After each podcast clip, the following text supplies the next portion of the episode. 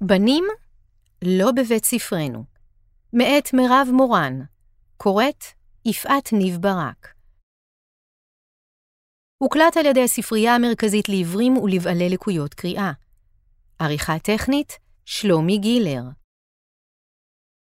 נוגה רענן, תלמידת כיתת י', מציינת את החופש להפגין גילויי חיבה בין התלמידות למורות ובין התלמידות לבין עצמן. בהשוואה לבית ספר מעורב, כאן יש הרבה מגע, אנחנו לא מתביישות להתחבק. פה נוח לבטא בגלוי תודה והערכה. חשבתי שאתגעגע ללמד בנים, אומרת המורה מוריה גרין סטרמן, אבל גיליתי שהבנות יוצרות את הגיוון החברתי בדרכן. הן תופסות את התפקידים הקלאסיים של הבנים, כמו ליצן הכיתה, או זה שעוזר תמיד למורה לחבר את המחשב למקרין.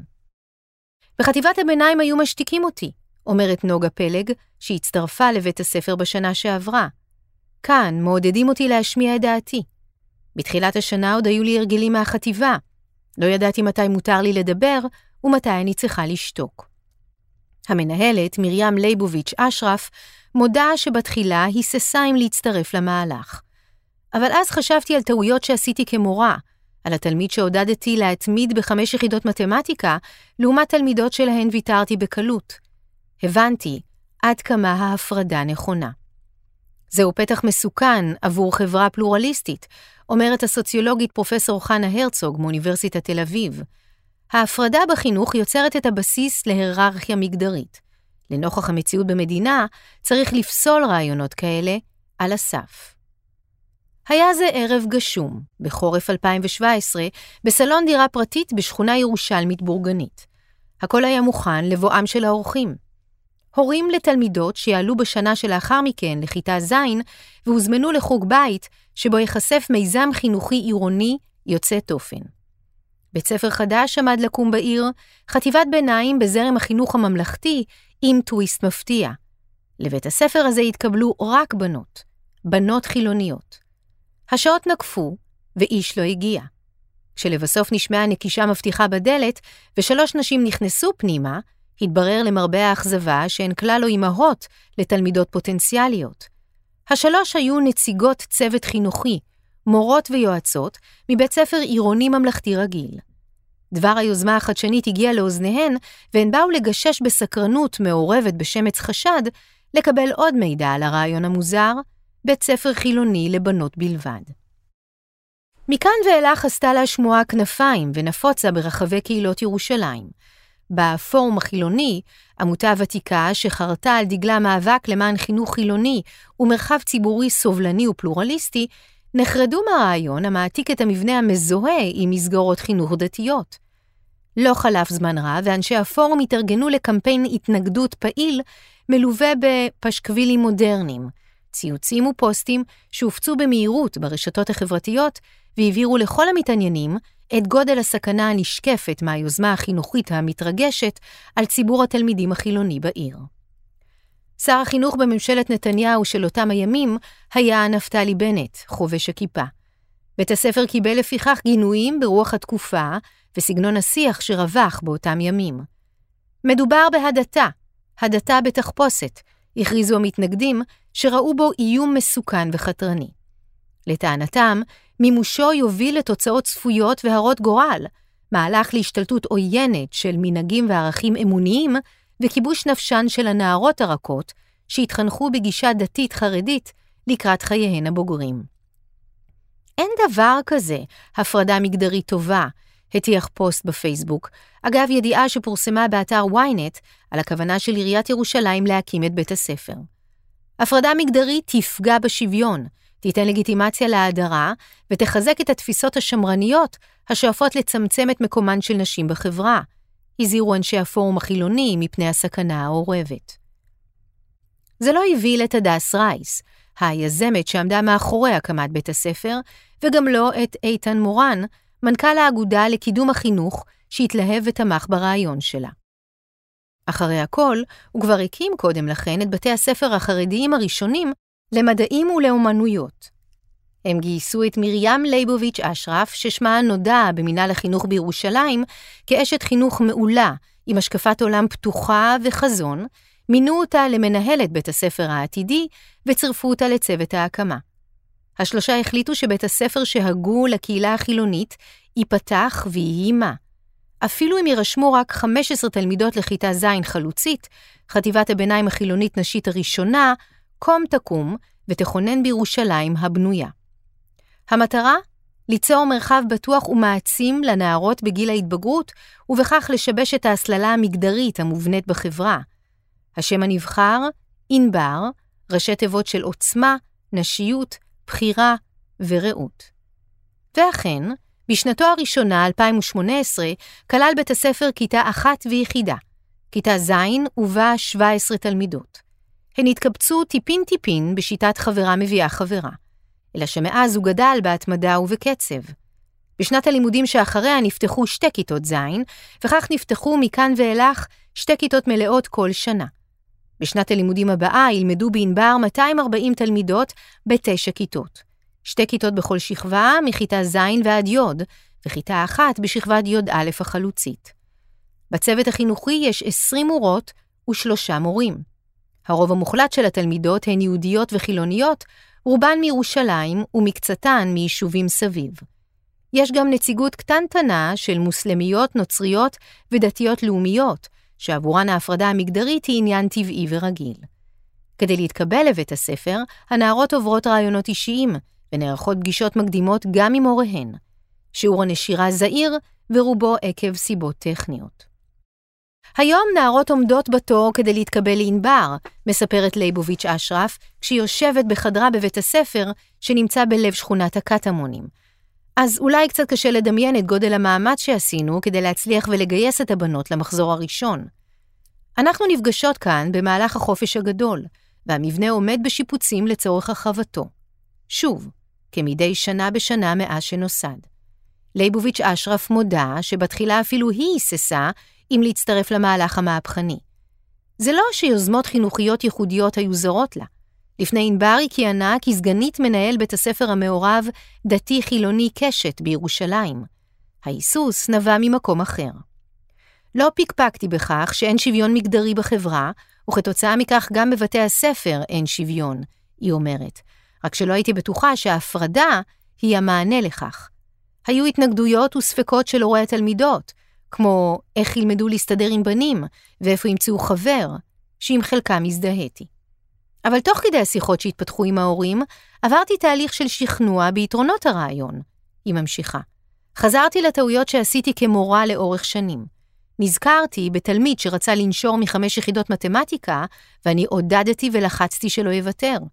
זאת, לעומת תלמידות שלי שהחליטו לרדת הקבצה, שלהן ויתרתי בלי היסוסים, וכדי להפיק תחושת כישלון, עוד הרגעתי אותן שגם ארבע יחידות זה טוב. חשבתי על הבת שלי, שהיא מאוד ריאלית, ובקיץ הזה תתגייס לקורס חובלים.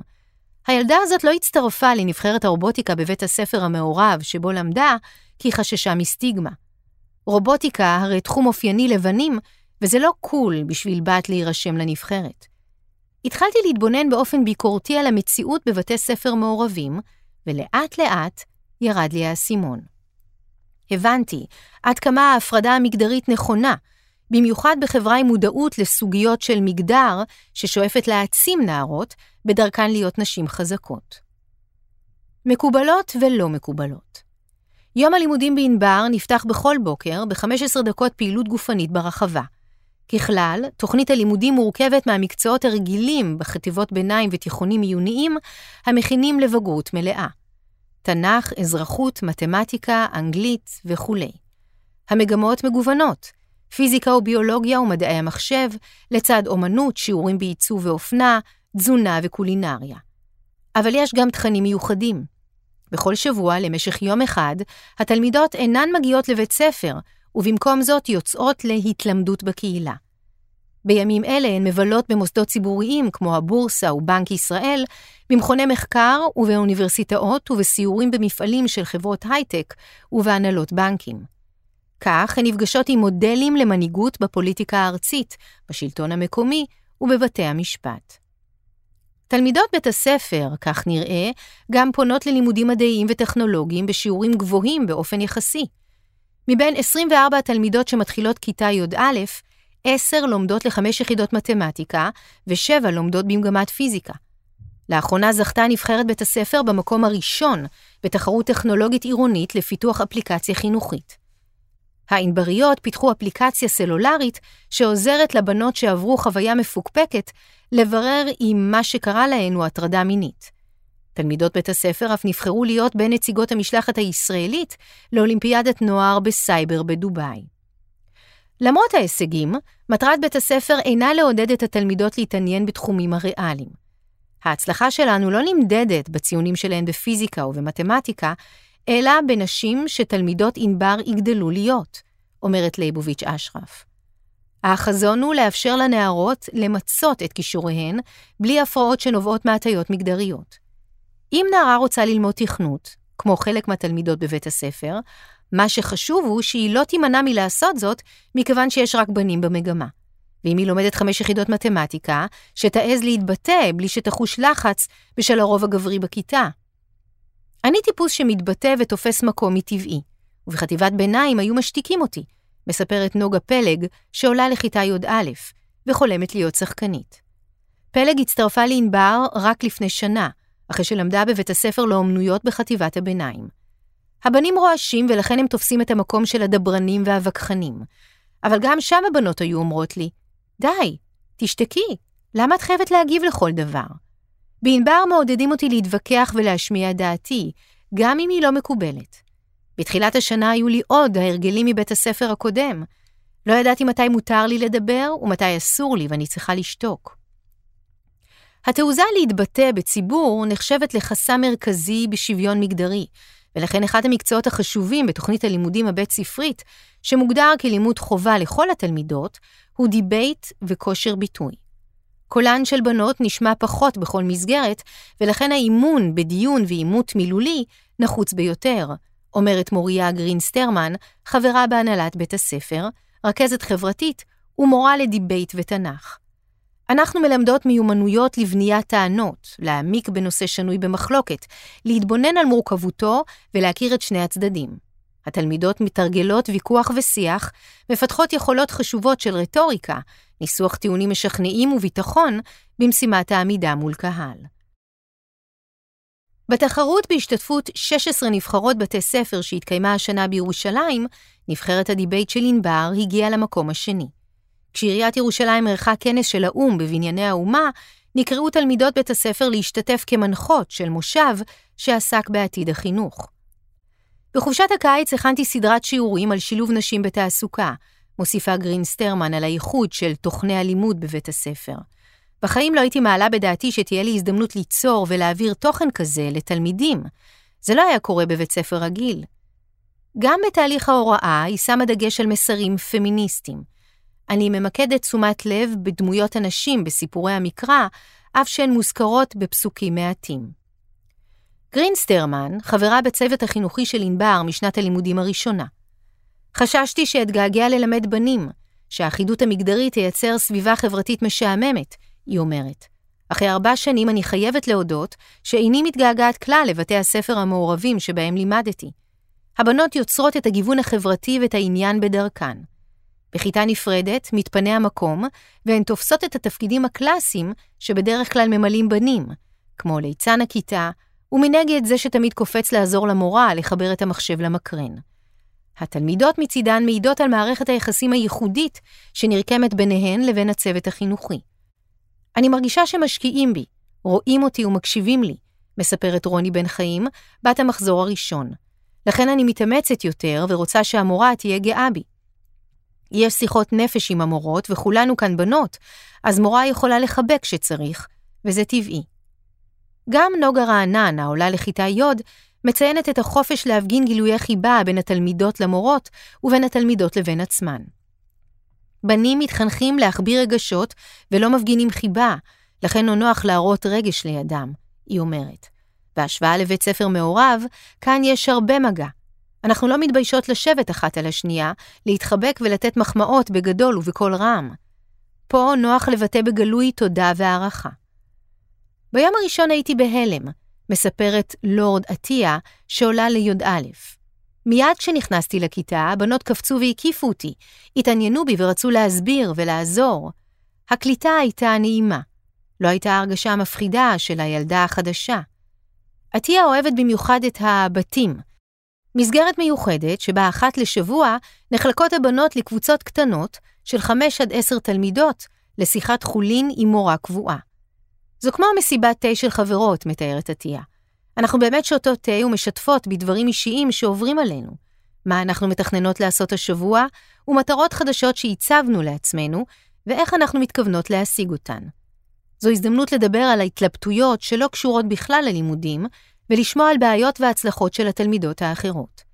כך אנחנו מכירות ונפתחות אחת לשנייה. אני מרגישה את האכפתיות. כמובן שלא הכל ורוד, מסייגת רענן. גם כאן יש מקובלות ולא מקובלות. אבל מדד המקובלות פה שונה. את מקבלת נקודות חברתיות אם שמת לב לאחרות. למשל, כשאת מזמינה מי שיושבת בצד להצטרף אלייך. הנערות מספרות, למשל, על משבר שפרץ פעם בבית הספר. כמה בנות הסתגרו באחד החדרים בהפסקה, ולא נתנו לבנות אחרות להיכנס. האירוע נפתר בשיחה גלויה שבה כל התלמידות התבקשו לשתף בחוויה הרגשית שלהן. אלה הסבירו שהן צריכות מקום וזמן עם חברות מסוימות, ואלה דיווחו על תחושת הדחייה שחוו. אחרי השיתוף התקבלה ביחד החלטה. קבוצת המסתגרות התחייבה שבפעם הבאה שירצו להתכנס בפרטיות, יעשו זאת במקום צדדי ונחבא, כדי שלא לשדר התנשאות כלפי חברותיהן. גם אם לא כולן חברות הכי טובות שלי, אני מרגישה שאני יכולה לפתוח בכולן, אומרת פלג. כשילדה עולה לדבר בכיתה ולהראות מצגת שהכינה, כולנו מריעות לה בסוף ההרצאה. אנחנו מוחאות כפיים בהתלהבות, אומרות לה שהיא הייתה נהדרת. בבית הספר המעורב לא היה פרגון כזה. בענבר אנחנו מרגישות יחידה מגובשת, שכל אחת תמיד שם בשביל השנייה. אנחנו לא במנזר. מיד בכיתה ז', עם כניסתן לבית ספר, מאמתים את התלמידות עם התחום הנפיץ של דימוי הגוף. באחד השיעורים מבקשים מהן למיין את הדמויות שאחריהן הן עוקבות ברשתות, לפי מאפיינים חיצוניים ושייכות מגדרית וגזעית, בהירות, כהות, רזות, שמנות וכולי, ולגזור מכך את המודל האידיאלי שאליו הן שואפות להידמות. המטרה היא לעבוד על קבלה עצמית על ידי ניתוח הבחירות שלהן וחקר ההשפעה של הרשתות החברתיות על הביטחון העצמי. בשנה הבאה תיפתח בבית הספר מגמת מגדר, הראשונה מסוגה בבית ספר בישראל. ילמדו שם על תולדות התנועה הפמיניסטית, על התפתחות הקהילה הגאה והמאבק לשוויון, ויעסקו בתיאוריות של זהות בהיבטים מגדריים. עד כה הנושאים טופלו בסדרות שיעורים ופעילויות מיוחדות שיזמה הנהלת בית הספר. למשל, אירוח של אנשי קהילת הלהט"ב הירושלמית להרצאה ושיחה בכיתות על משיכה מינית, סטריאוטיפים חברתיים ומוסכמות מגדריות. ביום ההתלמדות בקהילה יצאו הבנות לביקור בסניף תנועת איגי, נוער גאה. בענבר אין תלבושת אחידה, אך יש קוד לבוש, ולבנות יש טענות כלפיו. מצד אחד אומרים שנלך עם בגדים שאנחנו מרגישות נוח בהם, ומצד שני, אסור ללבוש גופיות וחולצות בטן, אומרת פלג. למה זו בעיה שיראו את האור של הכתפיים שלי והאור שמסביב לפופיק? זה בית ספר של בנות. אין בנים שזה ימשוך אותם להסתכל ויפריע להם. בכלל, היעדרם של הבנים אמור להוריד מהפרק את השאלה מה ללבוש בכל בוקר. ההבדל בלט בחג פורים, שבו לנערות בגיל עשרה יש נטייה להבליט נשיות בתלבושות חושפניות. בנות ענבר הלכו לקצה השני. הן התחפשו לדמויות כמו המלך ארתור, ג'ורג' הסקרן והאיש בכובע הצהוב. כשאתן מספרות שאתן לומדות בבית ספר רק לבנות, אילו תגובות אתן מקבלות? התגובות הטיפוסיות הן, מה, זה אולפנה? כולכן לסביות? כמה לסביות יש? אתן לא מגלחות את הרגליים? צחוקות פלג ובן חיים. רענן אומרת שבנים שומעים איפה היא לומדת ומעקמים את האף בזלזול. אולי זה מאיים עליהם. למה לנו יש ולהם אין? אנחנו מדירות אותם. בבית הספר, אגב, יש תלמידות שיצאו מהארון כלסביות. לא עושים מזה עניין, אומרת בן חיים. נכון שלסביבה שאין בה מתח מיני, פתאום נכנס מתח מיני, אבל זה לא שונה מזוג של בן ובת בבית ספר מעורב. והבנים לא חסרים לכן? תמיד שואלים על זה, אומרת בן חיים. ברור שזה אישו שהם אינם. היתרונות די ברורים. כשיש בנים בכיתה, זה יכול להוריד מהביטחון, כי כשאת מציגה משהו, אומרת או שואלת בכיתה, ואת רוצה להרשים מישהו שאת אוהבת, וכל הזמן מתעסקת בשאלה מה הוא יחשוב עליי, זה לא טוב. ענבר היא בועה שמגינה עלינו, אבל אנחנו לא במנזר. זה לא פנימייה, ואת הבנים אנחנו פוגשות בתנועות נוער, בחוגים של אחר הצהריים. בשכונה יש מספיק מקומות והזדמנויות אחרות לפגוש בנים. אני מאמינה שגם בצבא ובאוניברסיטה אני אעדיף להקיף את עצמי בבנות, מוסיפה רענן. הן יראו לי יותר זמינות, יותר דומות לי. זה לא מחליש אותי, זה מחזק. כשאני פוגשת בנים אז אני מרגישה יותר בטוחה מולם. אז איך יראה הנשף בסוף י"ב? פעם אמרנו שכל אחת תביא בן זוג מאיפשהו, מבית ספר אחר, מעיר אחרת, אומרת פלג, או שפשוט נידחף לבית ספר רגיל שיש בו גם בנים. בן חיים חושבת אחרת. לדבריה, הפרום הוא לא תרבות שלנו בכלל. הכל כל כך אמריקאי. נראה לי שבסוף התיכון נעשה מסיבת סיום ענקית, והיא תהיה פשוט פרידה עצובה נורא מכל החברות. ללמוד מתלמידות המדרשה. הרעיון להקמת בית הספר נבט בדרך מקרה. רייס, שעוסקת ביזמות פיננסית, הוזמנה לתת הרצאת אורח במדרשה, שבה למדו כמובן רק בנות. בהרצאות דומות בבתי ספר ממלכתיים עד אז, הבנות לא לקחו חלק פעיל בדיון, לא הרימו יד לענות לשאלותיה, לא יזמו שאלות משל עצמן, ובכלל הפגינו על פי רוב חוסר עניין גלוי בנושאים שבאה לספר עליהן, כלכלה ויזמות עסקית. לפיכך, ציפתה רייס לאירוע מנומנם. להפתעתה, השיעור התפתח לדיון סוער ומלא עניין. הבנות התפרצו לדבריה, הקשו בשאלות, לא חששו להפגין אי-הבנה של מושגים ולבקש הסברים. הביעו את דעתן בביטחון ואפילו התווכחו. כל הדרך חזרה הביתה הרהרתי בהבדלים בינן לבין הבנות בבתי הספר הממלכתיים, היא מספרת. שאלתי את עצמי, מה בולם את הבנות בבתי הספר החילוניים? ומה הדבר שכל כך משחרר את הבנות במדרשה? הרי זה לא החינוך הדתי עצמו, אז אולי הסיבה היא שהן לומדות בנפרד מבנים. מאותו אירוע ואילך, רייס לא עזבה את הנושא וחיפשה תשובות לתופעה בספרות המחקר. ככל שהעמיקה בחיפוש, מצאה שהאקדמיה בישראל כמעט שאינה עוסקת ביחס מגדרי שונה לבנים ולבנות במערכת החינוך, אולי משום נפיצותו הפוליטית של הנושא. לעומת זאת, במדינות אחרות יש עיסוק רב בנושא, הן באקדמיה והן בפעילות ויוזמות מעשיות בשטח.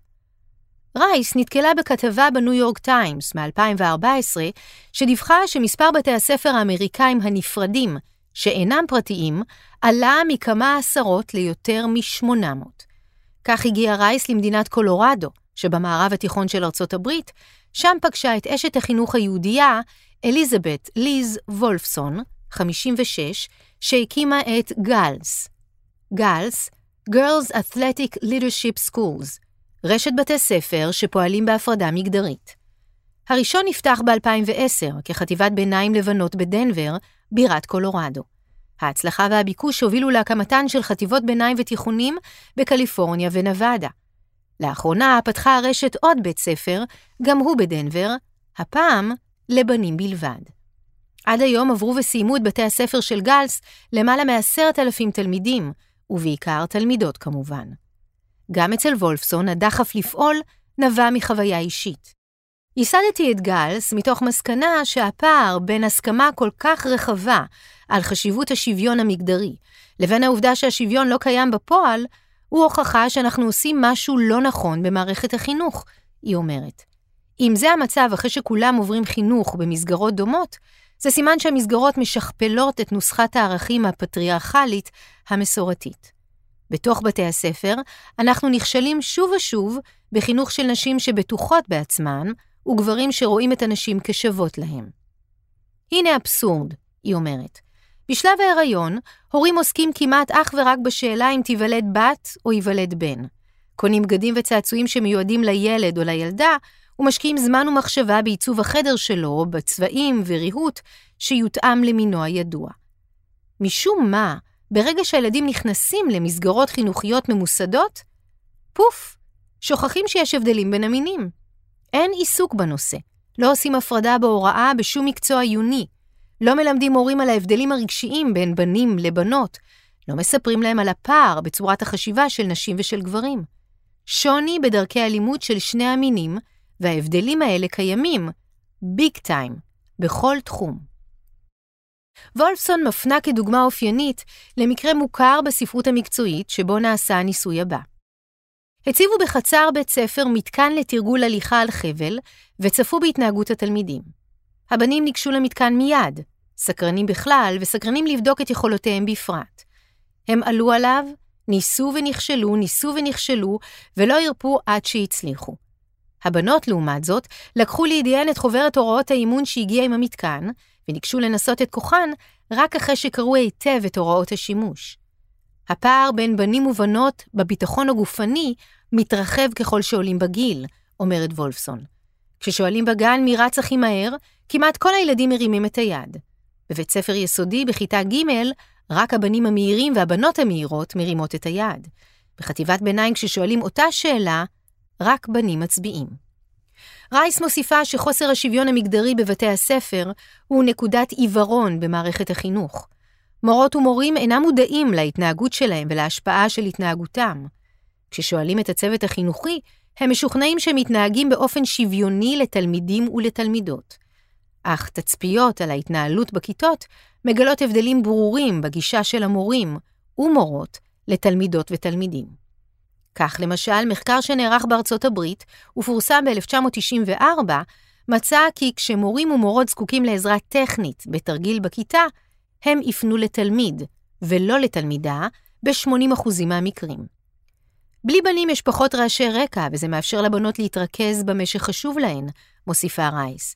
רעשי רקע יכולים לנבוע מהמולת הכיתה, ויכולים לנבוע מבפנים, מאותה מקהלת קולות שמספרת לנו סיפור על היכולות והמסוגלות שלנו. האם להצביע בכיתה או לא להצביע? לדבר או לא לדבר? איך לסדר את השיער ומה אומרים על הלבוש שלהן? ומה הן אוכלות? בלי הבנים, כל הרעש הלבן הזה נעלם. זה מתבטא גם בהישגים לימודיים. ואכן, על פניו, מחקרים שנערכו בארצות הברית הראו כי ללמידה בהפרדה יש השפעה חיובית ארוכת טווח על התלמידות. מחקרים שנערכו ב-2008 וב-2013 באוניברסיטת לוס אנג'לס, UCLA, ובקולג' בפילדלפיה, אלני קולג', בדקו הישגים והתנהגות של נערות שהתקבלו לקולג' לאחר שלמדו בבית ספר בהפרדה מגדרית. התברר כי הצעירות הללו נטו פי שלושה יותר למקצועות המדעים והטכנולוגיה, הראו נטייה גדולה יותר להשתתף בפעילויות חברתיות וקהילתיות בקולג' והפגינו נטייה למעורבות פוליטית גדולה יותר. בהמשך דרכן, הן השתלבו יותר בחברות מצליחות, פורצ'ון 500 ליסט, ובעמדות מפתח בתפקידי שלטון וממשל. בניסוי שנערך בדרום קוריאה ב-2013, חילקו באופן שרירותי תלמידים בסיאול, מאותה שכבה כלכלית-חברתית, לבתי ספר נפרדים ולבתי ספר מעורבים. בסיכום הניסוי, ההישגים של התלמידות היו גבוהים מאלה של התלמידים. מחקרים אכן מראים שהבנות נשכרות במקרים כאלה, אומר פרופסור יזהר אופלטקה מבית הספר לחינוך באוניברסיטת תל אביב. בבתי ספר מעורבים ידוע שהבנות הולכות צעד אחורה, קולן לא נשמע, והישגיהן מוגבלים מחששות פנימיים. אלא שלא כל החוקרים מתרשמים מהממצאים הללו. חקרתי את הנושא במשך חמש שנים, ונכנסתי לעומק המחקרים, אומרת פרופסור ענת זוהר מבית ספר לחינוך בירושלים ומכון מנדל למנהיגות חינוכית. לא מצאתי ראיות מדעיות מבוססות שההישגים של בנות עולים כשהן לומדות בנפרד מבנים. במאמרים אקדמיים שהציגו הישגים גבוהים יותר לבנות בהפרדה, הממצאים מוטים. המחקר נעשה על מדגם לא מייצג. בתי ספר בהפרדה הם בתי ספר פרטיים, בחו"ל, או בתי ספר ממיינים, שאליהן מתקבלות ממילא הבנות משכבות סוציו-אקונומיות גבוהות, חזקות ומשכילות יותר. עם זאת, יש לציין כי חלק מהמחקרים שמציגות וולפסון ורייס מתייחסים לבתי ספר ציבוריים בארצות הברית שאינם ממיינים תלמידות ותלמידים. האתגר האמיתי, ממשיכה זוהר, הוא לחנך לשוויון מגדרי תוך התמודדות עם המורכבות של העולם האמיתי. בית ספר נפרד אינו עושה זאת באופן מלא. למשל, יש סגנון למידה ועבודה יותר נשי, ויש יותר גברי, כגון תחרותיות. בהקשר הזה, מגוון מגדרי בכיתה מהווה יתרון, כי כל מגדר מרוויח מללמוד גם את הדרכים והכלים הרווחים יותר אצל המגדר השני. אחרים מתנגדים בתוקף לרעיון ההפרדה מסיבות נוספות. הייתי חשדן כשבית הספר נפתח, ואני חשדן גם היום, אומר רם פרומן, מנכ"ל הפורום החילוני. אם אני מרחיב את העדשה ומתבונן בקונטקסט הכללי לאילו מטרות הפרדה מגדרית משמשת בישראל של היום, אז בטח ובטח שאני נגד בית ספר ענבר. דווקא בימים אלה ללכת בכיוון של להפריד? זה גול עצמי. אני שבע מדברים שהוצגו לי כחילוניים ולא היו חילוניים, ולכן אני חושד. אולי האנשים שמקדמים את בית הספר הם ליברלים, אבל הם לבטח מקדמים, אולי בלי ידיעתם, אג'נדה שהיא ההפך מליברלית. הסוציולוגית חנה הרצוג, פרופסור אמריטוס מאוניברסיטת תל אביב, תקיפה עוד יותר. ההפרדה בחינוך יוצרת את הבסיס להיררכיה מגדרית, אומרת הרצוג. בית ספר ענבר לא פועל בוואקום, הוא פותח פתח שמסוכן לחברה מתקדמת פלורליסטית, ובמיוחד מסוכן לחברה הישראלית, שבה הדת דוחפת להיפרדות. כאן בישראל, ההפרדה מסכנת אותנו כנשים בפרט, ואת הדמוקרטיה והשוויון בפרט. במציאות, לפני ההפיכה המשטרית, עוד אפשר היה לחשוב על זה, אבל עם המציאות שהולכת להיות במדינה, צריך לפסול רעיונות כאלה על הסף. הפרדה בחולון ובמודיעין. אלא שהרעיונות הללו לא נפסלים על הסף. למעשה, ניסיונות דומים נעשו בישראל במקומות נוספים, אם כי במסגרות מצומצמות יותר. בתיכונים במודיעין ובחולון החליטו מנהלים להפריד תלמידים ותלמידות בשיעורי מתמטיקה, לאחר שהבחינו בנשירה מובהקת של תלמידות מהקבצה א' להקבצה ב'. במודיעין ניסו זאת בשכבה אחת ב-2018, אך הסידור ספג ביקורת מצד ההורים, הוכה בעיתונות המקומית כמהלך שמרני, ולבסוף הופסק. בחטיבת ביניים זלמן ארן בחולון, לעומת זאת, היוזמה מתקיימת עד היום. מנהלת בית הספר, חגית קראדי גואטה, שיזמה את המהלך, מרוצה מאוד מתוצאותיו. בשנה הראשונה היה הורה שהתקומם, היא אומרת. זה היה אבא של אחד הבנים שלקח את זה למקום של הדתה. זה היה פשוט לא לעניין. התחושה של הבנות הרבה יותר טובה, הן יותר משתתפות, יותר מוכנות לדבר מול הכיתה והמורה, ובכלל השיח בשיעור הרבה יותר נוח וחופשי להן. הבנות לא עלו על הישגי הבנים, אבל אף אחת מהן לא ירדה להקפצה ב', וממוצע הציונים שלהן לא היה נמוך משל הבנים. גם רייס מכוונת להרבה יותר רחוק מבית ספר אחד. למעשה וולפסון הגיע הקיץ לביקור בישראל, בין היתר כדי לסייע בייסוד קרן ידידים, שתתמוך ותקדם הקמת בתי ספר ממלכתיים נוספים ברוח ענבר. חשוב להגיע עם המודל לפריפריה, אומרת רייס. באזורים מוחלשים נמצא במובהק פחות שיח מגדרי שוויוני, פחות הזדמנויות שוות ופחות נטייה לשבור את ההסללה המגדרית שפוגעת בנשים. הקמת קרן ענבר תאפשר לבנות מהלך. החלום שלי לא מסתיים בפתיחת אפשרויות לתלמידות בבית הספר. אני שואפת להשפעה רחבה יותר. אותן תלמידות, שמצד אחד ילמדו במרחב ללא הטיות מגדריות, ומצד שני יקבלו כלים להתמודדות היומיומית שלהן במרחבים משולבים, יצאו לעולם מביטחון ביכולות שלהן. הן לא יהססו להשמיע את קולן כשירצו לקדם דברים, להשפיע ולהוביל, גם כשמישהו מקטין או פוגע בהן. הן יתמכו זו בזו גם בעולמות התעסוקה, בקריירה, בחיים החברתיים-פוליטיים. כדי לייצר השפעה כזו צריך לפתוח עוד כמה בתי ספר דוגמת ענבר. את כל הבעיות המגדריות בבתי הספר ידעו לפני שהקמנו את ענבר. אנחנו פשוט מטלטלים את הספינה עם מודל פדגוגי שמתמודד עם הבעיות האלה ומציע להן מענה אפשרי. נראה שגם הורים בבית הספר, שהיו מלאי חשדות וחששות בתחילת הדרך, שותפים להתלהבות מהמודל. בהתחלה לא רציתי לשלוח לשם את רוני, אומר אילן בן חיים, לא רציתי שהבת שלי תהיה שפע ניסיונות של רעיון חינוכי מוזר. בעצמי גדלתי בבית דתי לשני הורים שנולדו באלג'יר, וכילד ונער למדתי בבית ספר ממלכתי דתי רק עם בנים. על בשרי הרגשתי את הפער שהיה לי בתקשורת עם נשים, וחששתי שגם לרוני יהיו בעיות כאלה. הרי בסופו של דבר, היא תצטרך להתמודד עם החיים האמיתיים, ועם גברים שיהיו איתה בצבא או בעבודה, לכן העדפתי שתתנסה ותלמד להיות איתם כבר כנערה. לבסוף נכנעתי. בתום שנת הלימודים הראשונה הבנתי שזו הייתה ההחלטה הכי טובה שלקחתי מעולם עבור רוני. היא נתנה קפיצה מטאורית, קיבלה ביטחון ופיתחה עצמאות. אחרי שנה-שנתיים בענבר, רוני עומדת מול קהל ומציגה דברים בלי פחד, מנהלת משא ומתן עם אנשים בביטחון גמור, כמו אדם בוגר. בחיי, לי אין כזה ביטחון כמו שיש לה. השינוי וההתפתחות התחוללו בזכות בית הספר. חברת הבנות העצימה אותה. אם הפרדה בין בנים ובנות במסגרות חינוכיות היא דבר כדאי, אפשר לומר שהדתיים לא רק צדקו, הם גם ניצחו. ממש לא, אומרת רייס. במגזר החרדי והדתי אין בחירה, ובממלכתי יש בחירה בין מסגרות נפרדות מיוחדות לבין מסגרות מעורבות שככל הנראה יישארו הרוב. על הזכות לבחור לאיזה מסגרת ללכת צריך לשמור מכל משמר.